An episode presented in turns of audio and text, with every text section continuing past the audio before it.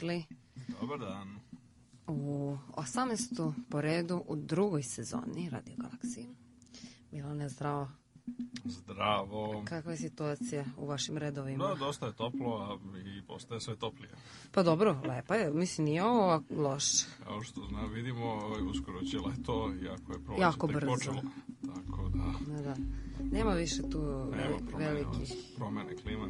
Drastične, šokantne. Sve, sve veće oscilacije sve veće, jest, jest. to su šokovi za, organizam, da, da. za razne organizme. Da, da. A, danas u emisiji raznorazne neke vesti, a pre svega hoću da, e, da vas podsjetim, ukoliko to niste imali prilike da vidite, tamo na, na, na sajtu Centra za promociju nauke postoji nešto što se zove kalendar. I to su dnevne preporuke naučnih događaja koje su najrazličitijih. Znači, tu može da bude baš onako od predavanja, e, naučnih e, skupova, projekcija i tako dalje, manifestacija. Svi koji imaju nekakve veze sa, sa naukom i tehnologijom nalaze se u ovom kalendaru i evo, na primjer, danas Danas ima nekoliko, danas je jubilej petnice, na primjer, 30 godina i on će se obeležiti u Galeriji nauke i tehnike samo od 2. do 12. aprila i to će biti vjerojatno neke izložbi, nekih predavanja. Jeste, jeste, nešto se već dešava. Nešto se već dešava, da, danas je već peti, tako da se to od drugog već tu se dešava različite mm, različiti događaj, ali tu su i neke druge manifestacije, pa vi pogledajte ako vas interesuje nešto da ispratite kalendar.cpn.rs a takođe možete i da se uključite u jednu bazu koja se formira, a tiče se pojedinaca, aktivnih pojedinaca i grupa koji promovišu nauku i kada se to sve lepo skupi na jedno mesto, onda će tu da se dešavaju različiti događaji, tako da prijavite se tamo ukoliko na bilo koji način doprinosite um, promociji nauke i tehnologije. I naravno na naučno-popularnom portalu možete da vidite najnovije tekstove. A mi krećemo sa nekim vestima. Šta, šta ima novo, Milane? Eh, pa, pa pre svega, ajde kad sam već kod toga, mislim da uh mhm. -huh. ukažem, pre, da skrenem pažnju na jednu publikaciju koja se pojavila takođe u izdanju eh, Centra za promociju nauke uz ovaj, uh mhm. -huh. jeli, saradnju brojnih ljudi između ostalog i Parijske observatorije, e, se pojavila zanimljiva publikacija, pa kako da to nazovem, knjižica, mislim, ovaj, ili već Dakle, to je nešto očigledno više od brošure eh, mhm. pod naslovom pod naslovom koji glasi Pod sunčevim vetrom. E, dakle, pod sunčevim vetrom je jako interesantna stvar, prosto ne mogu da prepričam adekvatno našim slušalcima kako to izgleda, zato što bi to zahtevalo jednu komplikovaniju grafičku i vizualnu prezentaciju. Naime, ovde ima tako reći, kao jedna slikovnica, mada prilično ozbiljna i sa mnogo nekih sadržaja koji se rasklapaju, tako reći su gotovo 3D, kao one dobre stare dečje knjige u 3D, ali ova je vrlo ozbiljna i bavi se našom zvezdom suncem i konkretno najrazličitijim stvarima vezanim za sunce, un strukturom sunčeve unutrašnjosti, proizvodnjom energije kroz termonuklearne reakcije u centru sunca i tako dalje, sve do naravno utjecaja sunca na našu okolinu, znači zračenje, sunče, vetar, e, solarno vreme, što je vrlo bitna stvar, znači ta generalno gledano zvezdana e, klimatologija i meteorologija mm, i naravno i posledice koje sunče, vetar, kontroverzne posledice pošto mhm. se pojavilo u medijima mnogo raznih gluposti, a ovo je jedna odlična publikacija koja e, između ostalog ima za cilj da ovaj, razbije te zablude, predrasude i razne senzacionalističke gluposti koje se povodom sunčevog vetra, erupcija na suncu, oluja mm -hmm. na mhm. suncu i slično pojavljuju u našim medijima.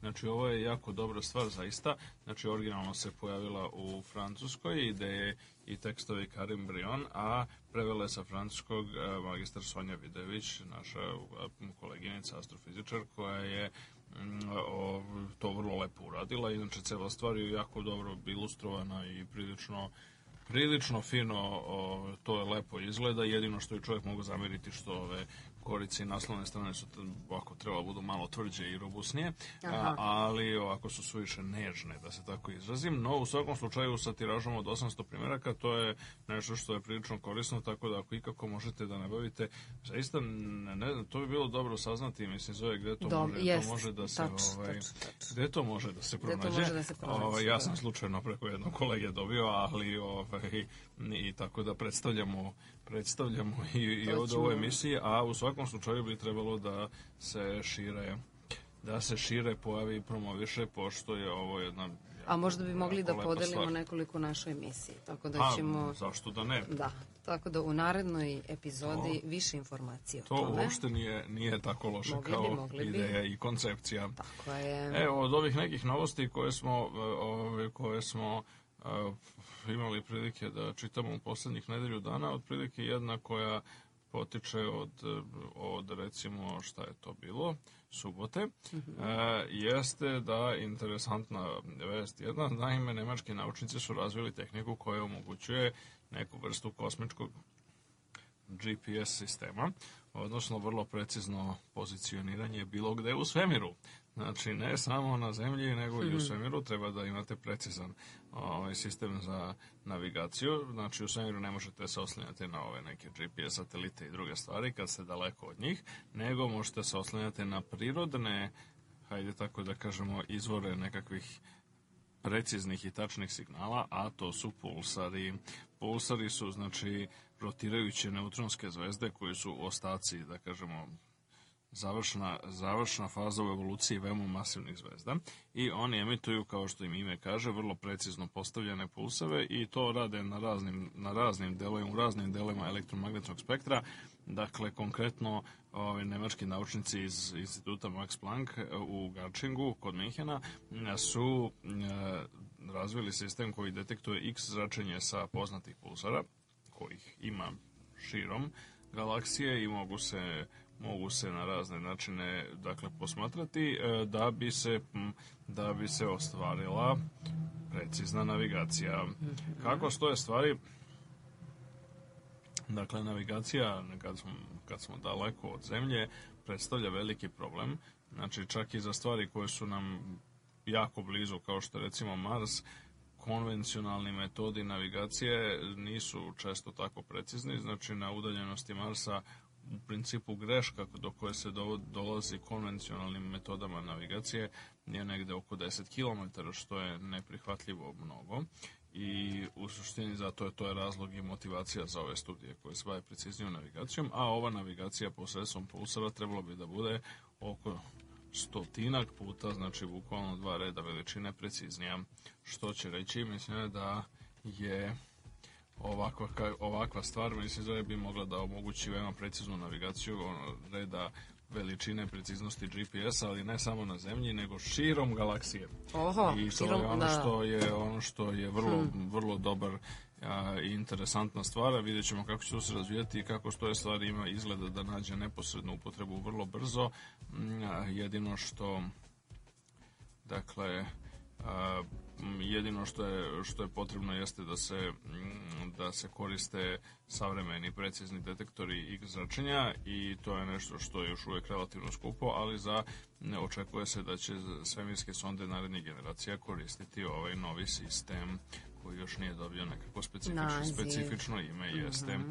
ali je vrlo interesantna stvar jedna od stvari koja je kažem, razvijena da u okviru Evropske svemirske agencije ESE. A, pa. e, a ono što takođe bi treba imati na umu da ovih dana se dešava jeste da je pušten u pogon ponovo nakon za uobičajene zimske pauze pušten je u pogon je li LHC odnosno veliki hm, kolajder hadrona u CERNu a, e, i on je lepo kao što to obično biva pauzirao a sad je a, i tokom zimske pauze su još neke stvari doterivane i dodavani su neki neke nove stvari, između ostalog i malo se zbog optimizacije mm, pojedinih delova u, u instrumenta, odnosno ubrzivača, pre svega postignute su za sada rekordne energije, e, tako da je tako da je e, ovaj, recimo postignut prošlog četvrtka u sudaru suprotno orijentisanih snopova protona, postignuto je da totalna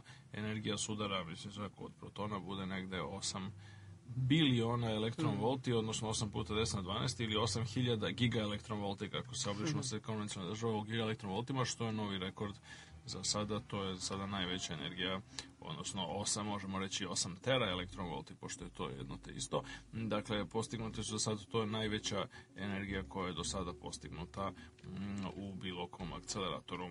Tako da se očekuje da će se, mislim da je, da tokom cele ove godine će će vredno, vredno se raditi, mislim, zove na eksperimentima i u principu ovi eksperimenti koji se sad obavljaju su predviđeni da traju sve do 2014. Tako da će tu biti uh, ovaj, i tekako još raznih raznih zanimljivih vesti. I konačno uh, nešto što je, je bilo onako prilično neočekivano, ali pojavio se, odnosno otkriven je nije se pojavio lično, mm -hmm. pošto je izumrao odavno, mm -hmm. ali otkriven je Jutiranos. Jutiranos, Jutiranos je novi e, dinosaurus. E, a, znači, Jutiranos je a, mm, e, dinosaurus koji je bio sličan, manji, ali sličan relativno Tyrannosaurusu Rexu i a, ali ono što je vrlo interesantno kako stoje stvari imao je perje i ispostavlja se da je to bio da je to apsolutno bio najveća pernata životinja ikada zato što zato što je pomenuti U imao oko 1400 kg znači oko tone i po je bio masivan i shodno tome ovaj, a imao je perje dakle ništa veće a najveća pernata pernatije, životinja. pernatije za sada nije otkriveno mhm. e sad s čemu mu je služilo perje pa sigurno ne za letenje mm, svakako ovaj, nego mm, je stvar u tome da je pre svega kao jeli, izolacija, pošto je on živeo u relativno relativno hladnijim krajima. Doduše, mislim, zove, ne isključuje se takođe da je Perry igrao ulogu, mislim, zove, u dakle njegovom socijalnom životu mislim zove takođe tako da je kao što mislim zove druge neke ptice poput paunova imaju perije mislim zove isključivo mislim zove da ovaj bi se ovaj bolje promovisale tokom parenja I to je mm -hmm. verovatno slučaj, a paunu inače perje u drugom ne služi tačno, zaista tačno. i veliko, velikom broju drugih ptica, ali kako stoje stvari, mislim zove, znači a, a, dinosaurusi su imali takođe, mislim zove, specifične znači, tu vrstu e, sociobioloških rituala a, mhm. koji su vrlo često imali značan utjecaj na evoluciju, pa vrlo verovatno i kod ovog novo otkrivenog dinosaurusa. Inače, on je otkriven u Kini a, e, i Zing Hu i njegove kolege sa, iz Kineske akademije nauka su opisale tri individualna primjerka čije su fosile pronašli u severoistočnoj Kini i to je objavljeno evo bukvalno juče. To baš friško, friško. Pa da, tako je to bilo. A mislim da je, dakle, nakon jedne muzičke pauze preći ćemo na druge teme. Može. You know, baby. I know you think we can make it all work out, but I gotta tell it like it is. And I don't wanna make this any harder than it needs to be, so don't cry.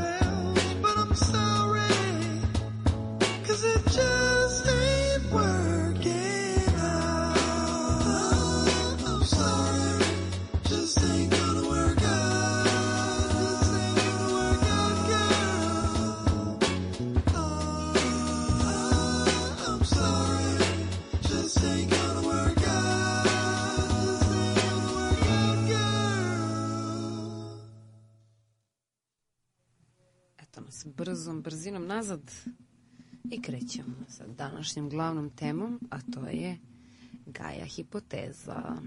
A, i sve slični, slični eko, e, e ekološko-klimatske teme. Jeste.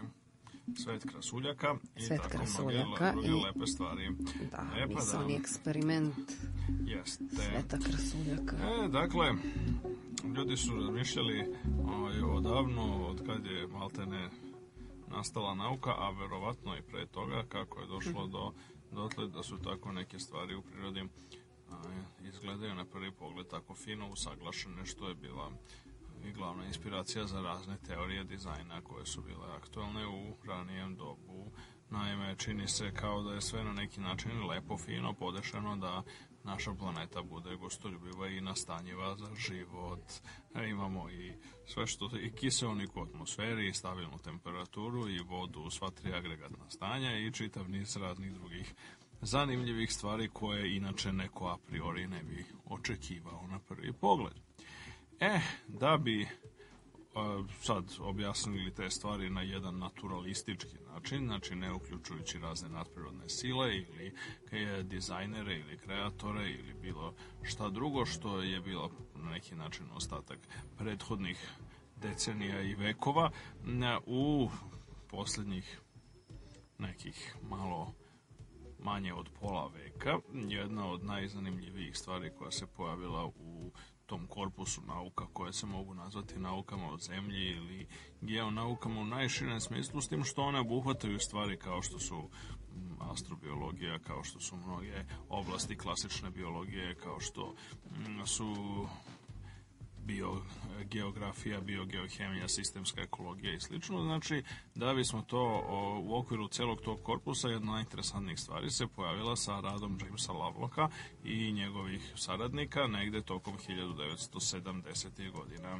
E, James Lovelock je jedna vrlo interesantan uh, vrlo interesantna pojava u savremenoj nauci, on je još uvek živ, e, mada su njegovi radovi onako klasična stvar već i onda to ponekad čije, čudi ljude, ali ne, Lavlok ne samo što je živ, ima 92 godine, već i vrlo aktivan i vrlo aktivno radi što je za svaku pohvalu i, i dalje objavljuje. Doduše sad uglavnom zadnje vreme uglavnom više nekakve komentare po novinama, ne, nego, nego naučne radove, ali pre par godina objavio jednu jako dobru knjigu i imam čitavku koja je mm -hmm. nastavak čitavog niza njegovog ciklusa, mislim, zove praktično knjiga posvećenih upravo Gaja hipotezi, a u zadnje vreme Boga mi se često naziva i Gaja teorijom, sad zavisnosti u toj koju koju tačnu verziju koristite ili na koju tačnu verziju određeni, određeni autori aludiraju ili, ili je pomenju.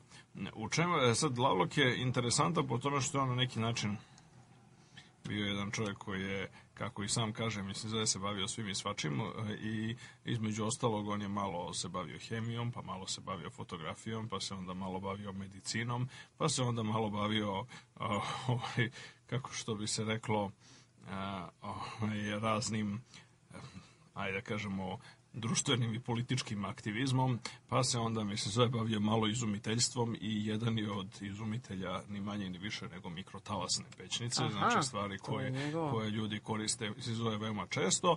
E, onda se pak malo bavio planetarnim naukama i modeliranjem onoga što će sonda Viking iz 70. godina pronaći na Marsu, pa se onda malo bavio izumom raznih detektora elektrona mm -hmm. i, i onda i e, problemima sa kojima se suočava zemljina E, zemljina stratosfera, pre svega onaj ozonski sloj u stratosferi. E, I tako da uglatko, znači čovjek je jedan veoma raznovrstan, veoma interesantan e, u svakom pogledu i čak i najveći protivnici i, i, i ljudi koji su naj, najviše skritikovali njegove ideje, nikomu ne osporava da je čovjek neobično originalan i ovaj, jako interesantan i pun raznih zanimljivih ideja. Inače, Gaja hipoteza koja je se na neki način pojavila, iznikla i e, hajde da kažemo, se onako postepeno formirala pre svega u njegovoj glavi pre nego što je bilo šta objavljivo o tome tokom 60. godina dok je radio za NASA i u vezi sa pomenutom misijom Viking. Mm -hmm. A, on je recimo samo ime Gaja Hipoteza je pred, nije on predložio nego njegov prijatelj poznati romanopisac koga smo i pomenuli u jednoj od prethodnih radio Galaksija duše dosta davno, William Golding, mm -hmm. autor gospodara Muva, Kristofera Martina i drugih zvonika i drugih poznatih romana, je predložio baš to ime. I Gaja hipoteza, dakle, sugeriše da je čitav zemaljski sistem, dakle, nešto što obuhvata, kako se to lepo kaže, i biosferu, i atmosferu, i hidrosferu i ono što se naziva pedosferom. E sad, pedosfera to je nešto što ponekad se brka, mislim, to je najmanje poznato od ovih svih termina. Ok, ove ostale znamo šta su. Znači, biosfera to su živa bića, atmosfera je li, ono što udišemo i onaj vazduh oko nas, hidrosfera je onaj deo zemljine površine koji je pokriven vodom, pa sad bila to okeanska hidrosfera ili ono neka reke, jezera, manji neki tokovi, uključujući i podzemne vode.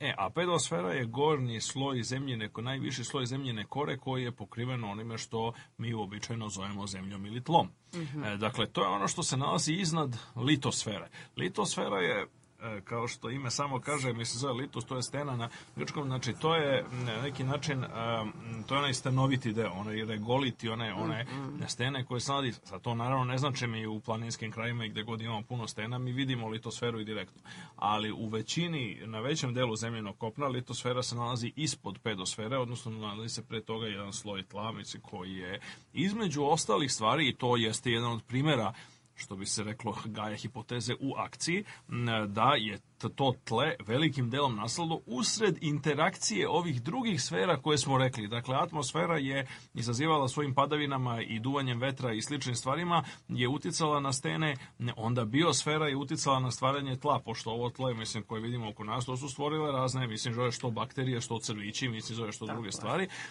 I, naravno, hidrosfera ne bi ništa tu bilo bez vode.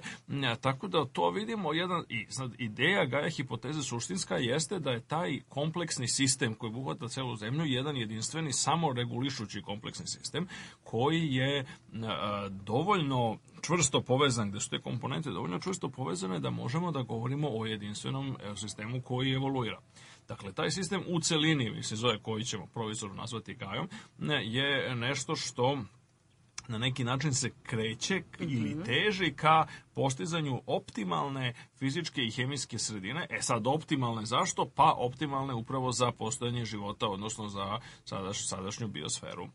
I a, u skladu sa originalnom Lavlokovom verzijom Gaja hipoteze, ona evoluira kroz jednu vrstu e, kiberne, kibernetičkog feedback sistema. Znači, to je nešto što, e, što nema nikakve veze kako su to kritičari i protivnici najčešće mi se tumačili sa teleologijom, sa nečim da je to sad tvrdimo da sve ima nekakav cilj. Ne, nego se radi o tome da jednostavno to je potpuno e, bez ikakvog tog nekog e, svesnog, bez, pripis, bez pripisivanja svesti, motivacije, bilo čemu drugom. Jednostavno radi se o tome da kroz sistem feedbackova, znači povratnih sprega, ne, dolazi do stabilizacije uslova za, za nastanjivost. I e, ono što, m, pritom se najveći deo posla u nekom smislu te reči u okviru onoga što ćemo smatramo biotom, odnosno živim svetom, obavljaju zapravo mikroorganizmi, tako, tako da je to sasvim sigurno su u pitanju, e, u pitanju su organizmi jedinke koje ne samo da nema, ne mogu imati nikakvu svest, volju ili motivaciju, mislim zove neko, nego potpuno, nema apsolutno, mislim zove su nezavisni od tih tako, tako nekakvih komplikovanih akcija. Ne, nego se radi o vrlo, vrlo prostom feedbacku, znači nešto se pokrene okrene u jednom smeru, e, onda se vidi da je to loše, misli zove, pa onda nakon toga nestanu uslovi za to, pa se onda vrati nazad i tako dalje.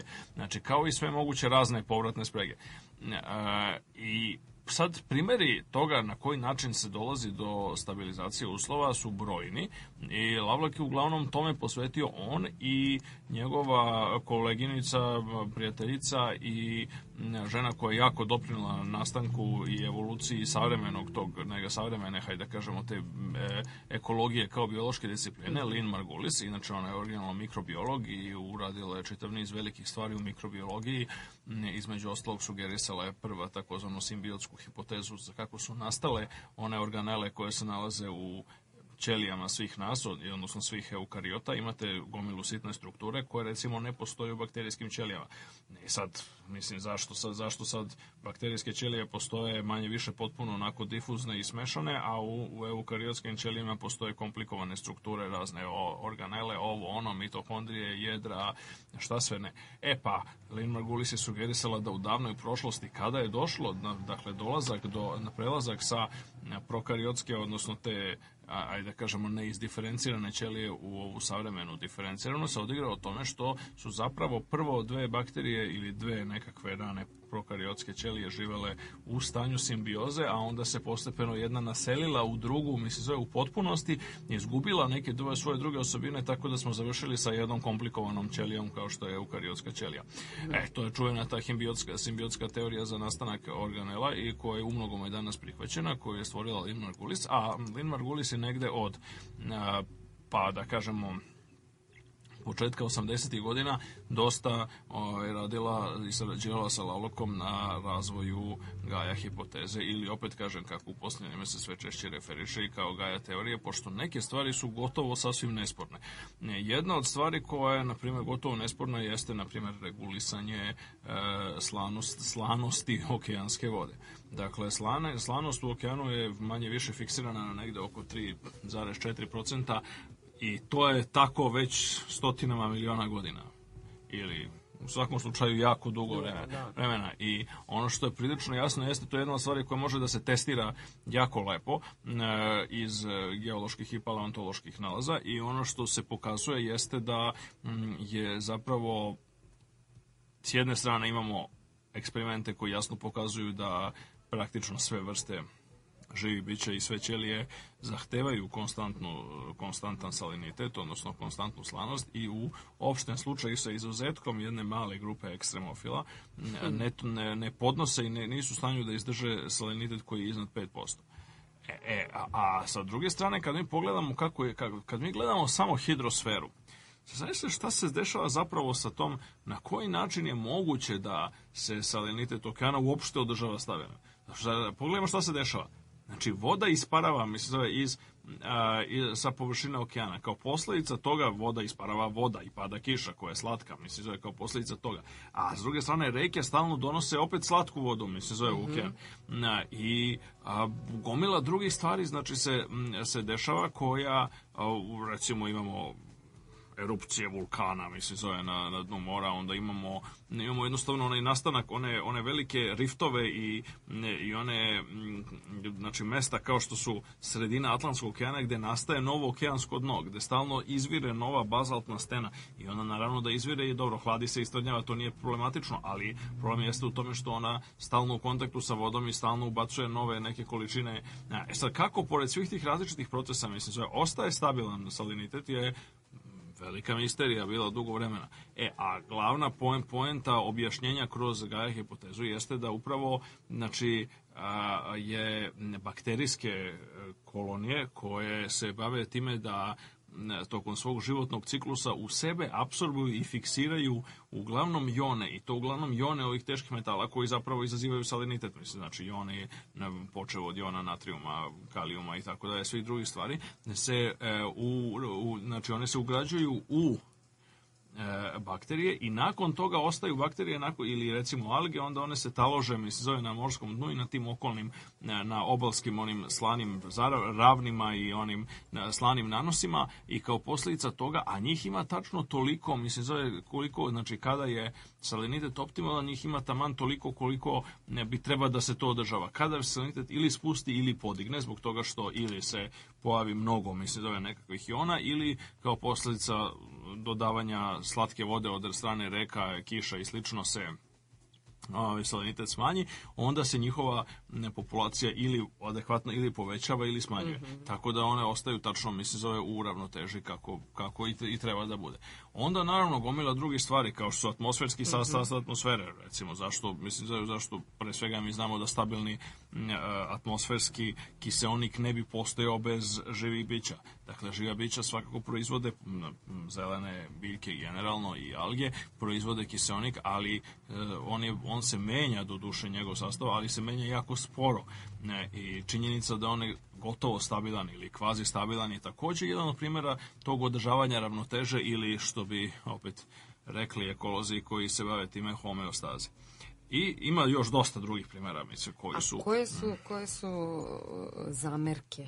Koje su e, glavne e, zamerke? A pa osnovna, osnovna problem Kritike. jeste, naravno, da osnovni problem jeste u tome koliko zapravo na neki način mislim zove dakle koliko, oni koliko smatraju neki kritičari da je te, te, teleološka da naravno mislim zapravo, to je da, da, to, naravno, to je to je glavni lezno. problem znači mhm. postoje mm -hmm. ljudi koji a, jednostavno a, ovaj, iz ovog ili onog razloga sad to mm -hmm. možemo da diskutujemo zašto smatraju mislim da je nasuprot onome što je sam Lavlak više puta isticao mislim da je to nekakva teološka koncepcija koja zahteva mislim zove da postoji nekav jedinstveni cilj i slično. Naravno, postoji ljudi, e, postoje ljudi koji su shvatali, shvataju stvari na pogrešan način i ne, nakon toga, mislim, zove prave od gaje hipoteze neku vrstu New Age religije mm -hmm. i mhm. to se dešava, mislim, zove to ne treba sumnjati, znači količina koja, i puta kojom se pojavljuju te stvari, mislim, zove recimo gaje hipoteza u raznim ono, New Age tekstovima, o raznim tako ono poluokultnim ne, ekološkim tekstovima, ove najekstremnije ekološke organizacije, mhm. mislim, zove tipa Earth First i druge, mislim da su je često pozivale na gaje hipotezu, zašto naravno, mislim, zove ni Lavlok, ni Lin Margulis, ni drugi nisu od odgovorni na šta oni mogu da mislim, ne, ne, koji način ne mogu da spreče da se ovaj, njihov rad zloupotrebljava u, u, te neke svrhe. A sa druge strane, mislim, da jeste što, znači, jedan od, sam Lavloketum je, je govorio da je jedan od razloga, mislim, zove zašto zašto dolazi, mislim, zove do a, čestih kritika e, njegovih ideja, jeste jednostavno nedostatak razumevanja nelinearne matematike, koja je upravo tako upravlja tako komplikovanim homeostatskim procesima. E sad, nelinearna matematika je nešto što generalno gledano, mislim zove se e, do skorašnjih dana veoma nije koristilo u biologiji, a najveći broj kritičara su upravo biolozi koji su na neki način, mislim, zove, ovaj, po tom pitanju jako konzervativni po pitanju usvajanja novih metoda i slično. Ne, e, naravno, možemo da razlikujemo, možemo sada da diskutujemo o tome u mhm. kojoj meri, mislim, da Gaja hipoteza je, ajde da kažemo, op, m, kako bi se to moglo reći, ka, u kojoj meri se ona može operacionalizovati. E, ona sugeriše mnogo različitih eksperimentalnih testova, ali mali broj njih spada striktno govoreći u domen klasične biologije, tako da je to jedna od stvari koja, e, koja je takođe bila za mnoge, posebno za Richarda Dawkinsa, problematična. A Ono što je, je mm, eh, ono što takođe jeste donekle problematično jeste stepen do koji do kojeg mi govorimo o GAI kao jedinstvenom sistemu.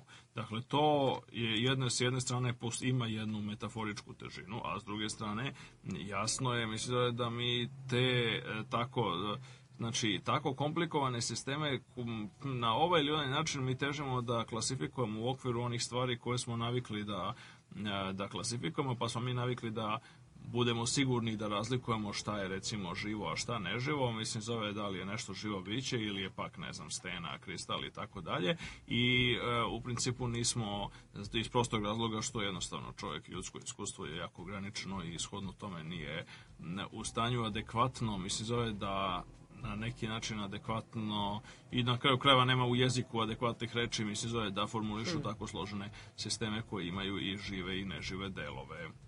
I u tome jeste jedna od, jedna od, jedna od problema, mislim zove sa tim, pošto neki ideju, mislim zove da je Gaja najveći živi sistem smatraju kontroverznom, neki kažu to nije kontroverzno, ali ostaje na nivou metafore, neki kažu opet pa zašto da ne, zato što na kraju krajeva nemamo jedinstvenu definiciju života, pa mhm. shodno tome, mislim zove zašto da ne. U tom smislu reči to jeste kontroverzno, ali ta kontroverza je po mom mišljenju, a i po o, kad se pogleda nekakav objavljeni objavlje, objavljena lista um, istraživačkih i akademskih radova na tu temu jako plodotvorna pošto je to nešto što je motivisalo jako mnogo ljudi da se bave različitim aspektima te velike teme u kojoj meri znači su živi i neživi sistemi u stanju ravnoteže ili homeostaze, a jedan od primjera stvari koja može da se izrodi iz toga je mm, e, e misalni eksperiment sa Svetom Krasuljaka, ali o njemu nešto kasnije.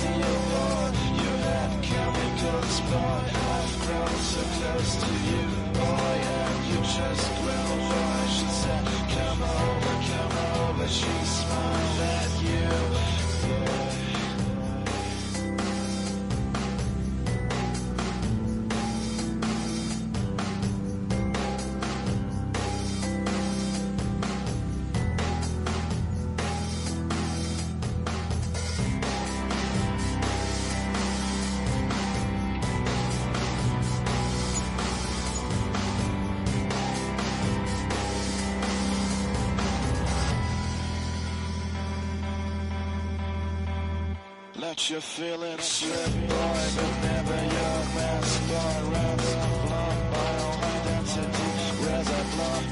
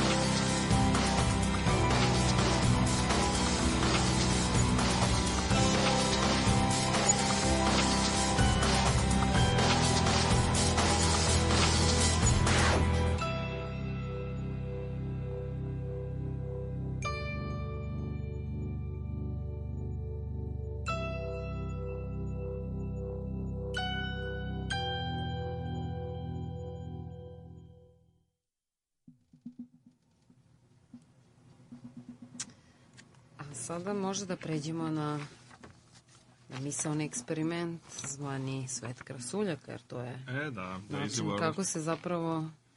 Daisy World. Kako se, kako, kako se zapravo Gaja hipoteza najbolje objašnjava? Pa donekle. To je recimo, ajde da kažemo, jedna od, jedna od ove ovaj, stvari koje su bile inspirisane dobrim delom Gaja hipotezom. Dakle, sam Lavlok i njegov saradnik Andrew Watson mm, su zapravo mm, kao jedan od načina na koji bi demonstrirali samo regulaciju kod Gaje i sličnih velikih sistema, mislio da su razmišljali o tome šta bi se desilo sa svetom koji bio nastanjen od od strane dve vrste krasuljaka, a krasuljci to je ono što bi rekli ljudi, tratinčice, bele rade i uopšte poznato, poznato cveće, koji, kojih ima različitih s tim što evo, za potrebe Lavlakovog i Watsonovog eksperimenta misonog eksperimenta, gedanken eksperimenta, to imamo, zamislimo da imamo dve vrste crne i bele krasuljke. Inače, eksperiment s vetom krasuljaka je star tačno 30 godina, tako da je ovo ovaj mali jubilej, znači on ga je prvi put predstavio 1982. Lavlok na konferenciji u Holandiji, potom imao problem neko vreme da ga objavi, ali se nešto kasnije recimo urednik Nature-a je demonstrativno odbio da objavljuje takve spekulativne stvari, e, a, a, e, a Watson i, i Lovelock su ga objavili u klimatološko-atmosfersko-meteorološkom časopisu TELUS 1983. Ono što jeste interesantno jeste da mm, je, znači, kasnije John Maddox koji je bio urednik Nature u to doba, inače bio urednik Nature ono, mm -hmm. više decenija, je se kasnije izvinio, mislim, zove zbog takvog odnosa Ovaj, pa, ali to daleko od toga da je jedini, pošto mislim Nature i, i, i Science iz nekih razloga, pa čak i kod našeg ministarstva nauke, nekadašnjeg sada ministarstva prosvete i nauke, uživa nekakav e, super visoki ugled bez toga da je to baš u potpunosti, u potpunosti se može objasniti, mislim, zove realnim, realnom vrednošću radova iz tih časopisa, naprotiv čama vrlo često ta urednička zlourednici imaju mnogo veći mnogo veća ovlašćenja i mnogo lakše zloupotrebljavaju ista kao što je bila recimo u tom slučaju rada Lavloka i Vocuna koji nije čak ni poslat na recenziju nego ga je urednik odbio kao nešto što je suviše spekulativno i neozbiljno uprkos tome što kao što vidimo ovih 30 godina to je bio to zaista jeste jedan od najznačajnijih radova u sistemskoj ekologiji, bioekologiji pa čak i astrobiologiji, znači pošto je ovih 30 godina generisao neslučenu veliku aktivnost i motivisao pisanje još ono bar stotinak drugih naučnih radova i otvorio čitave nove perspektive Maltene, da kažemo, postao jedna vrsta oblasti za sebe. Vi ako pretražite danas bilo koji od ozbiljnih naučnih ovih pretraživača mm -hmm. tipa Scopus, Web of Science i slične, mislim sa terminom Daisy World vi ćete pronaći jako mnogo jako, jako mnogo radova najrazličitijih, znači iz teorijske biologije, iz ekologije, iz atmosferskih i geonauka i u krajnjoj instanci iz astrobiologije. Takođe. E, dakle, kad smo to rekli, mislim da vidimo u čemu se tu tačno radi. Kada zamislimo planetu, Daisy World je planeta nalik Zemlji koja se okreće oko Sunca nalik našem, znači oko neke zvezde na glavnom nizu nalik naše i a, ona se okreće tako da je nastanjiva za život, a konkretno za dve vrste mm, krasuljaka, crne i bele. Sad zamislimo za moment, uprostimo stvari, pretpostavimo da nema nikvih drugih živih bića na planeti, a Naravno, posle toga možemo, i to jeste jedna od aktivnosti zanimljivih za proširenje ovog misalnog eksperimenta sa Daisy Worldom da dodamo razne druge, razne druge žive organizme i da vidimo kako oni utiču na naše zaključke. Ali u originalnoj verziji imamo samo crne i bele krasuljke. E sad, ono što što se dešava? Dešava se sledeća stvar. Dakle, a, crnim krasulcima nešto odgovara više slabija, a belim e, hladnija, a belim nešto toplija klima.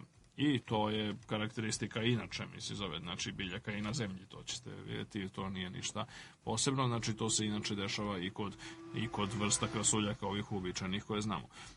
E, dakle, kako, šta se onda dešava, mislim, tokom vremena, sa njihovim relativnom populacijom i kako ona utiče na sredinu. Pa, ono što se dešava tokom protoka vremena e, jeste da sunce e, sveta krasuljaka kao i naše zemljino sunce postaje sve sjajnije. Pomenuli smo to jedno od prethodnih radiogalaksija, nasuprot onome što se naivno uči u nekakvim srednjoškolskim knjigama i užbenicima, zvezde nemaju konstantan sjaj na glavnom nizu i sunce ne sija uvijek istim intenzitetom, nego postaje sve sjajnije kako vreme protiče. Danas je sunce oko 30% sjajnije nego što je bilo kada je nastalo, i kad je nastala i naša planeta. Znači, veoma sporo kroz stotine miliona i milijardi godina se sjaj svake zvezde povećava do kraja njenog životnog veka, odnosno zvezdane evolucije. A, I to je prirodna posledica nuklearne fizike, onoga što se dešava u unutrašnjosti sunca. Međutim, onda bi trebalo po toj logici stvari da klima na svim planetama, pa uključujući i naš svet kasuljaka, postane sve toplija i toplija. I da u jednom trenutku postane ne, to, toliko topla da jednostavno ne mogu nikakav oblik života, pa ni krasuljci da izdrže. E, međutim, u stvari dešava se nešto drugo. Temperatura zavisi od toga koliko a, planeta apsorbuje svetlosti i toplote iz matične zvezde, a koliko reflektuje nazad u kosmički prostor. Mm -hmm. I sad taj koeficijent, odnosno relativni odnos reflektovane i upadne svetlosti se naziva u astronomiji albedo. Ne, I to je mhm, nešto što predstavlja, mislim, znači, što je veći albedo, to je telo sjajnije. Znači, stvari kao što su, recimo, ogledala, led, E, bela boja pa imaju visok albedo stvari kao što su ugalj, tamno, tamno neko tlo, mi se zove crna, crno mastilo, imaju nizak albedo. Ok. E, e sad radimo što se dešava sa krasuljcima. Kako sunce postaje sve sjajnije i sjajnije, onda se crni krasulci se najpre približavaju svojoj optimalnoj temperaturi. I oni dosežu svoju optimalnu temperaturu i oni postaju sve bolje prilagođeni, normalno, pa se onda njihov broj povećava. E sad, to sa druge strane a, e, kreira jednu vrstu pozitivne povratne sprege. Mm -hmm. Znači, mhm. kako se njihov broj povećava, tako se albedo planete smanjuje, ona postaje sve tamnija, zato što kad imate sve veće i veće prostore, pogledajte te, znači, neke ravnice, o, ovaj, i površinu planete koja je sve više i više prekrivena crnim cvećem, znači ona je sve tamnija i tamnija, pošto su u pitanju radije tamnija cveću, e, shodno tome se njena albedo smanjuje. Kao posledica smanjivanja albeda, ona više apsorbuje svetlosti i toplote sa svog, sa svog sunca i postaje sve toplija. Tako da kako albedo opada, temperatura raste. E, kako crnih krasuljaka ima sve više i više temperatura, sve više i brže raste, tako da u momentu ona nadmaši, izađe iz onog opsega optimalnosti za crne krasuljke i ulazi u opseg optimalnosti za njihove bele srodnike. Kao posledica toga, sada će da nastupi negativna povratna sprega. Znači, kako se opada broj crnih krasuljaka, a povećava se broj belih, tako se albedo planete raste. Mm -hmm. I ona se više i više svetlosti odbija nazad, mi se zove u kosmički prostor. Tada beli, pa, e, a istovremeno, istovremeno, je temperatura postaje takva, mi se zove da postaje sve da postaje sve bolja i bolje prilagođena upravo za bele krasuljke.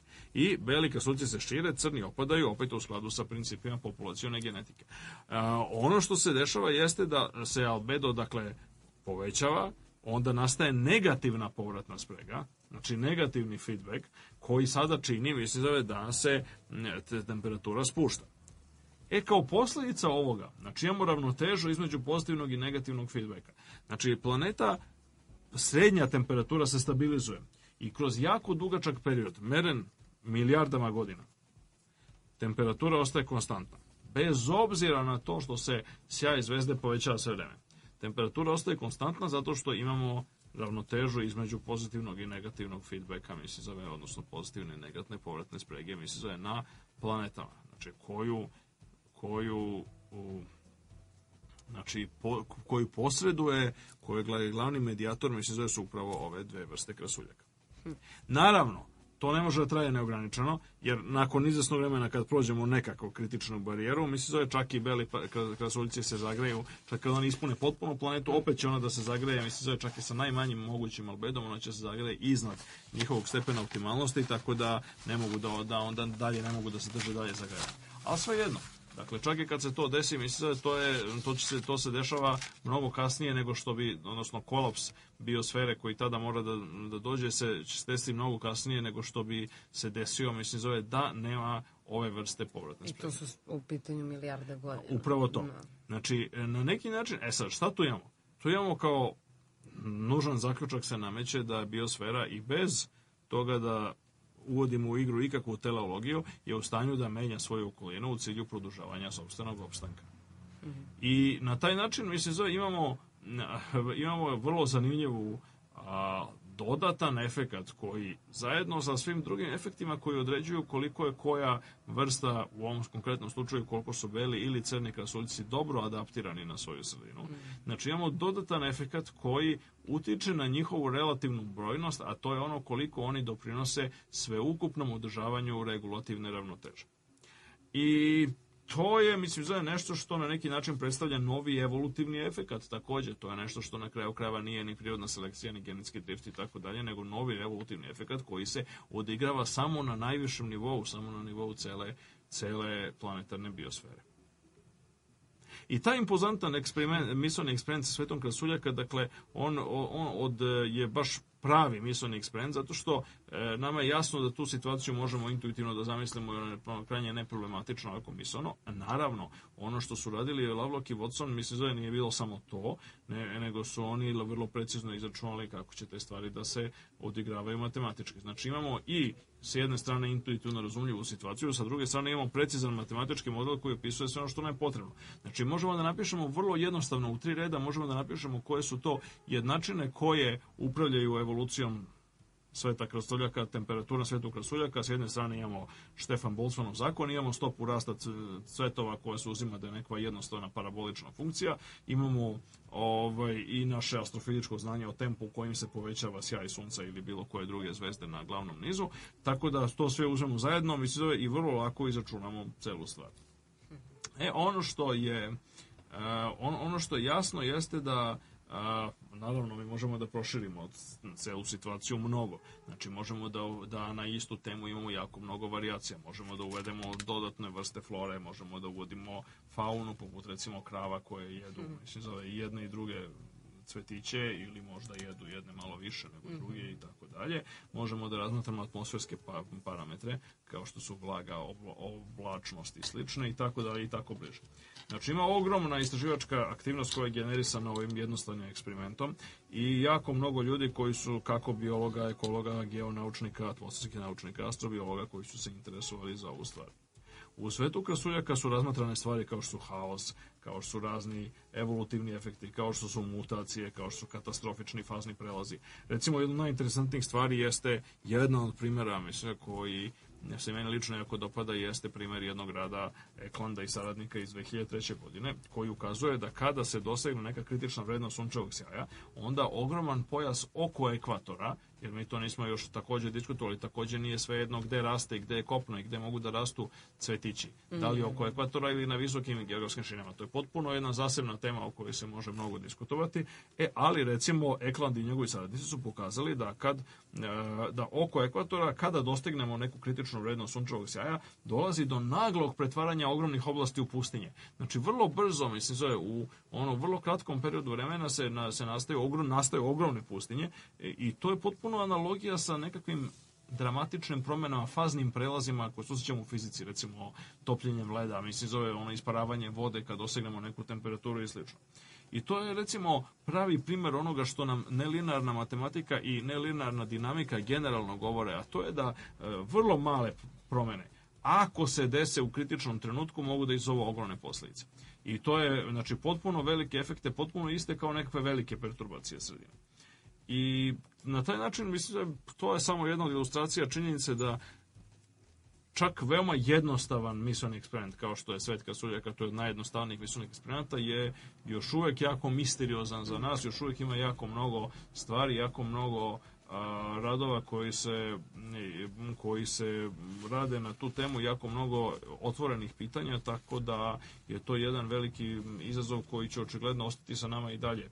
I to je možda jako dobar primjer kako se recimo danas koriste vrlo sofisticirane matematičke metode kao što su recimo celularni automati, mm -hmm. mislim zove kao što su ne znam teorija katastrofa i slično da bi se a, da bi se razmotrili a, e, posljedice ovog mišljenog eksperimenta. To naravno čovjek ne može da uradi, znači ne može ne, nemoguće je zamisliti da, kada se dešavaju neke male promjene šta će šta će do čega će to doći.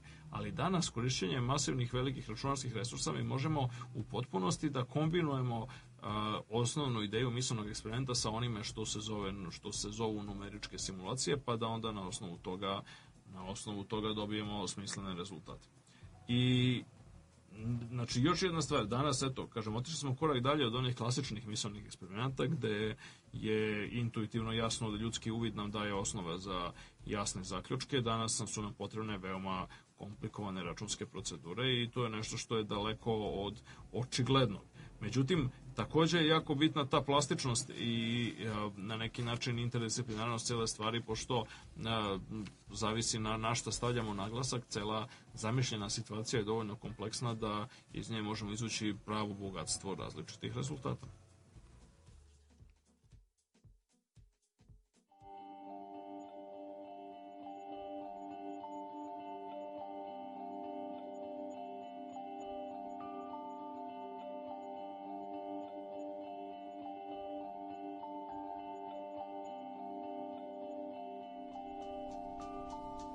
uncertain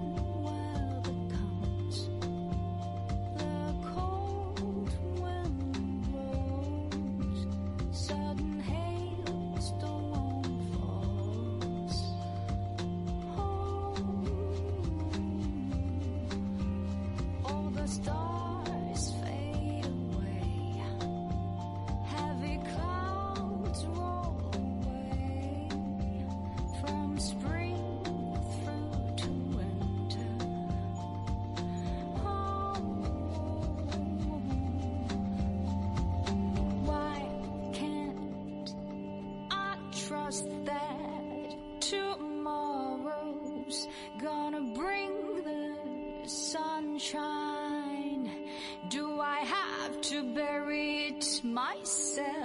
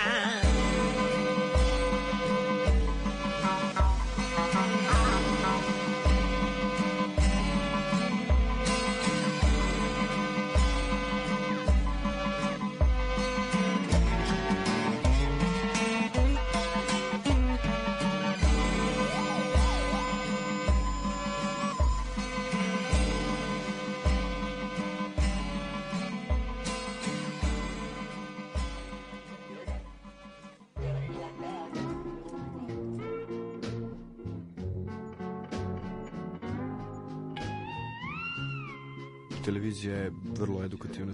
Svaki put kad neko upali TV, ja odem u drugu sobu da čitam knjigu. Prljava knjiga nikad nije prašnjava.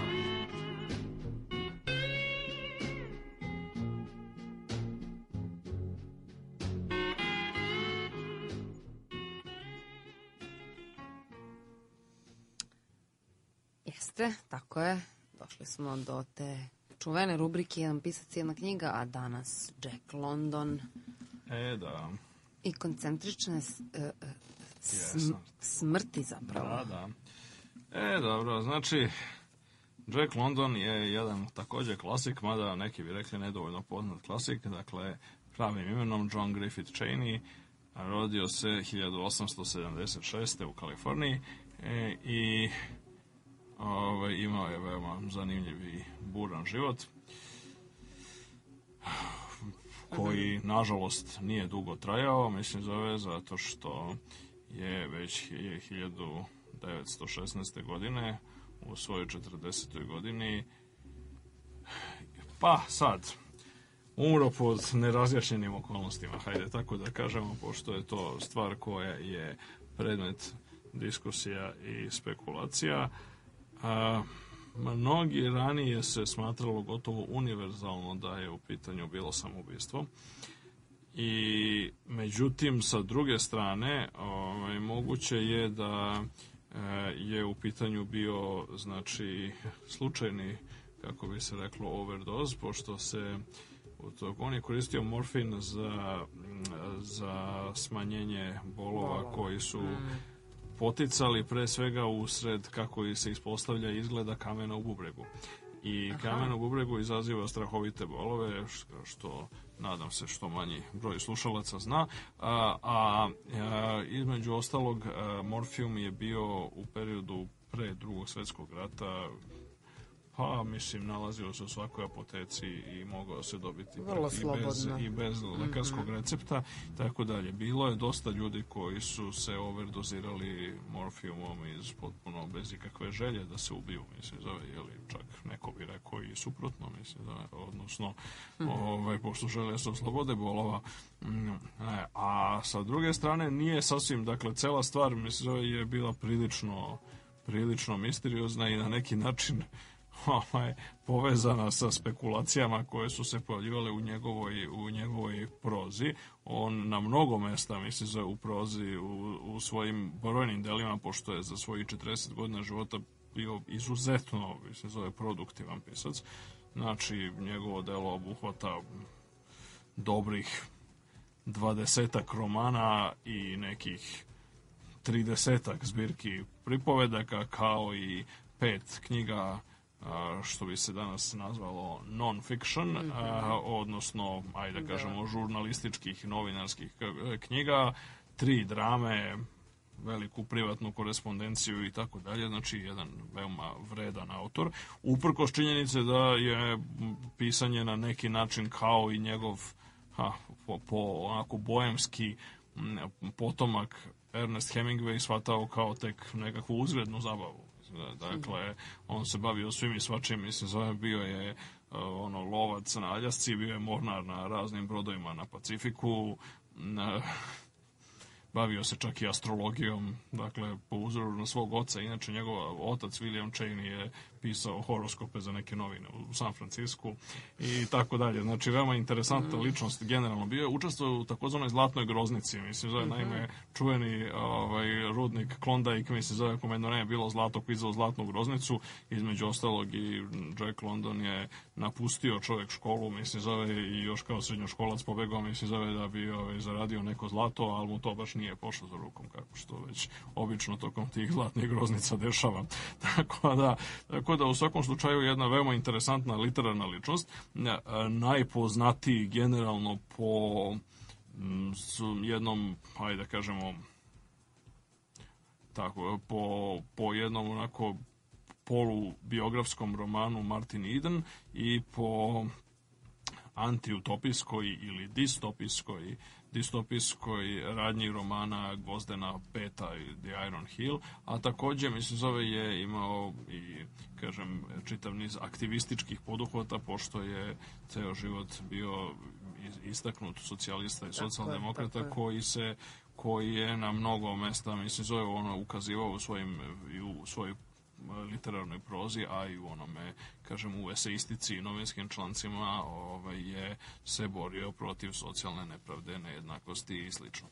A, ono što Rasizma, ono da naravno mislim zove naravno i ne, ne, ono što je interesantno da jedan dobar deo ovih jedan dobar deo ovih današnjih eh, današnje ajde da kažemo interpretacije mhm. A, interpretacije e, dela Jacka Londona, mislim, zove ga svrstava kao u jednog od pretjerivnog od prvih e, science fiction pisaca, zato što ima čitav niz čitav niz njegovih priča pre svega koje sadrže, mislim, zove taj naučno-fantastični element ili čak i čisto fantastični element. I zbog toga je ova, a, ova ja sam odabrao ove koncentrične smrti koje su zapravo a, nisu originalno njegova knjiga, nego su izbor iz njegove, e, njegovih pripovedaka koji je načinio taj izbor niko drugi do Jorge Luis Borges, koji je uredio jednu sjajnu ediciju koja se zvala pa nećete se ni malo začuditi, Vavilonska biblioteka, a, i koja je, ne, koja je prevedena i kod nas, koji je on odabrao, znači, istaknuta dela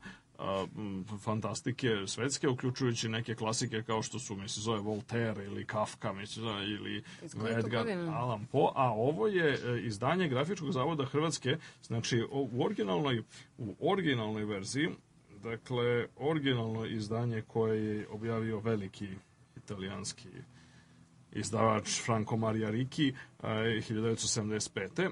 u Milanu a ovde je Grafički zavod Hrvatske to brže bolje preveo, pa je izašlo u Zagrebu 1983. Inače, ova edicija je bila ekstremno popularna u bivšoj Jugoslaviji i a, njen urednik je bio čuveni, mislim, za, dakle, Albert Goldstein, A, I on je, ona, je, ona može i dan danas sad, mislim, pobunjena popularnost je takva da, znači, bilo je očnampan jako veliki broj primeraka i ova izdanja koja su jako karakterističnog izgleda, Odlična prosto kad ih, kad ih vidite ne možete da, da promašite i ovako format je malo atipičan i ovako sve izgleda onako pomalo borhesovski u pravom smislu te reči.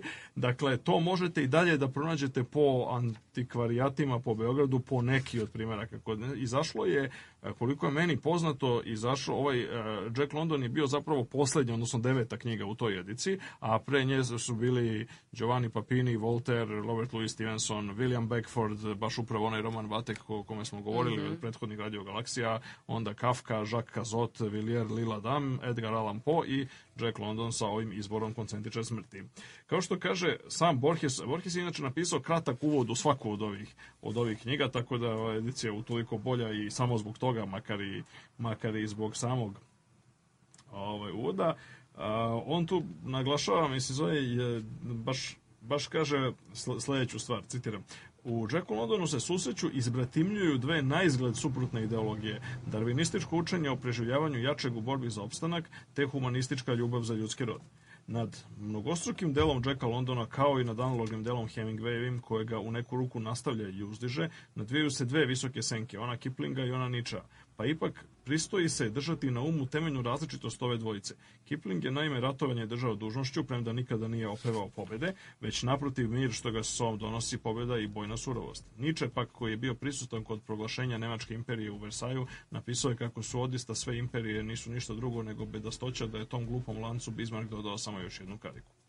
E, to kaže Borges i a, veoma interesantno, mislim, zove još čitav niz paralela koje se mogu, a, e, koje se mogu pronaći kod svih ovih klasika fantastike, a za sam kraj odlomak iz istoimene a, istoimene pripovetke e, koncentrične smrti kojom se ova, ovaj zbornik završava.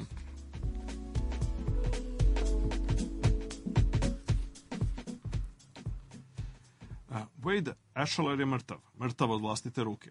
Reći da je to došlo posve neočekivano za omanju grupu ljudi koja ga je poznavala značilo bi reći neistinu. istinu a opet mi njegovi prisni prijatelji nikada nismo raspravljali o toj mogućnosti. Pre bi se moglo reći da smo na nju bili pripremljeni nekim neobjašnjivim podsvesnim putem. Sve dok delo nije počinjeno, takva nam mogućnost nije padala na pamet, ali kada smo čuli da je mrtav učinilo nam se nekako da smo to znali i očekivali sve vreme. Gledano unatrag, to se lako moglo objasniti njegovom velikom nevoljom. Reči velika nevolja upotrebljavam promišljeno. Bio je mlad, lep, imao siguran posao kao desna ruka Ebena Hela, železničkog magnata i nije moglo biti nikog razloga da se žali na svoju sudbinu. A ipak smo gledali kako mu se glatko čelo nabira i brazda, kako ga muče teške brige ili izjeda tuga.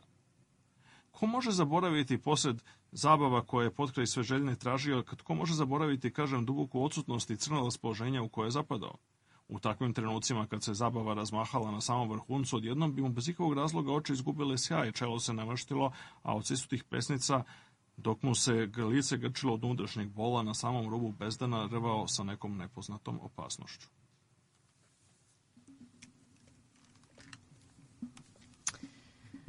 E, pa možda za sam kraj svakako da treba pozdraviti e, naše slušalce koji su nam se javili preko maila sa, uh, neki su hvalili, neki su davali predloge za nared, neko od narednih te emisije. U svakom slučaju hvala Ivanu i Dušanu. A predloge ćemo svakako usvojiti. usvojiti. A vi ako imate neke druge predloge, vi to pošaljite na radiogalaksija.gmail.com i pratite nas na Facebook stranici Radio Galaksija arhiva ili na Twitteru Radio Galaksija, a svakako na uh, zvaničnoj stranici Centra za promociju nauke nalazimo se na elementarium.cpn.rs, a ima nas i na glavnoj stranici tamo kod medija, ali svejedno. Naći ćete. Hvala na slušanju, dođenje prijatno. Do slušanja.